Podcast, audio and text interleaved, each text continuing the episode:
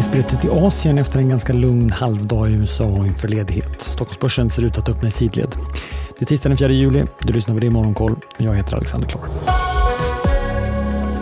Ja, det spridda skurar i Asien. Vi har väntat på den australiensiska centralbankens besked och nu överraskar man igen. Det blev en oväntad höjning senast. Nu valde centralbanken att inte höja räntan utan lämnade den oförändrad på 4,10. Marknaden hade räknat med att centralbanken skulle höja räntan med 25 punkter till 4,35. Centralbankschef Philip Love sa i en kommentar att man vill ha mer tid att utvärdera hur ekonomin utvecklas. Tokyobörsen backar nästan 1% och en stor förlorare på Tokyobörsen denna morgon är AstraZenecas samarbetspartner kring ett lungcancerläkemedel. Vi rapporterade igår om att Astra tappade ganska mycket på tidig data som visar att man troligtvis inte kommer uppfylla samtliga primärmål i studien.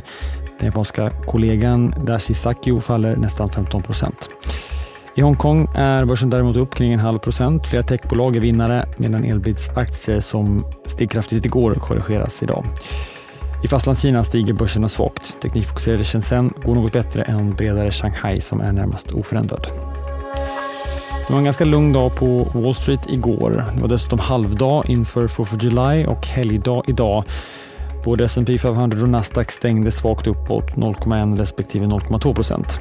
Elbilstillverkare gick starkt, Tesla upp nästan 7% på försäljningssiffrorna man släppte i söndags. Även andra elbilstillverkare rapporterade högre leveranssiffror för det andra kvartalet än väntat, däribland Xpeng och Nio, liksom Rivian som rusade 17% Facebooks ägarbolag Meta är på gång att släppa en Twitter-utmanare. Freds ska enligt medieuppgifter bli en kostnadsfri tjänst som länkas ihop med Instagram som även Meta äger och den kan släppas på torsdag. På räntemarknaden är nu inventeringen på den amerikanska räntekurvan på den högsta nivån sedan 1981. En invertering av avkastningskurvan betraktas som en klassisk signal för en recession. Sverige så på spåret dystra signaler. Antalet nya företag i Sverige fortsätter att falla. Antalet nystartade bolag sjönk med 18 procent under årets första sex månader jämfört med samma period i fjol, visar ny statistik från Bolagsverket.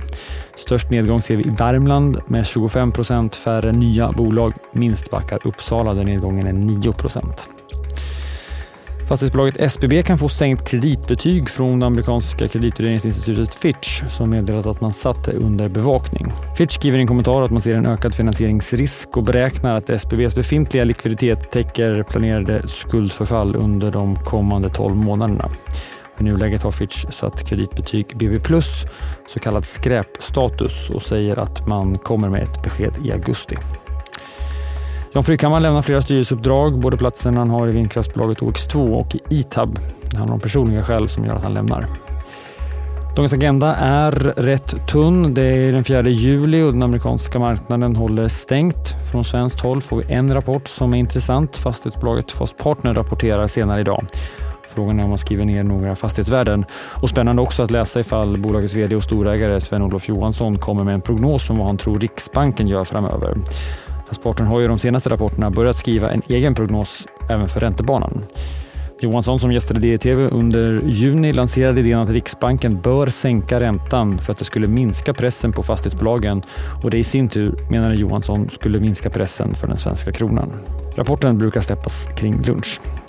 Det händer mycket mer på agendan imorgon onsdag. Då får vi uppföljningen från flera håll på gårdagens PMI-siffror. Vi fick ju industri-PMI då.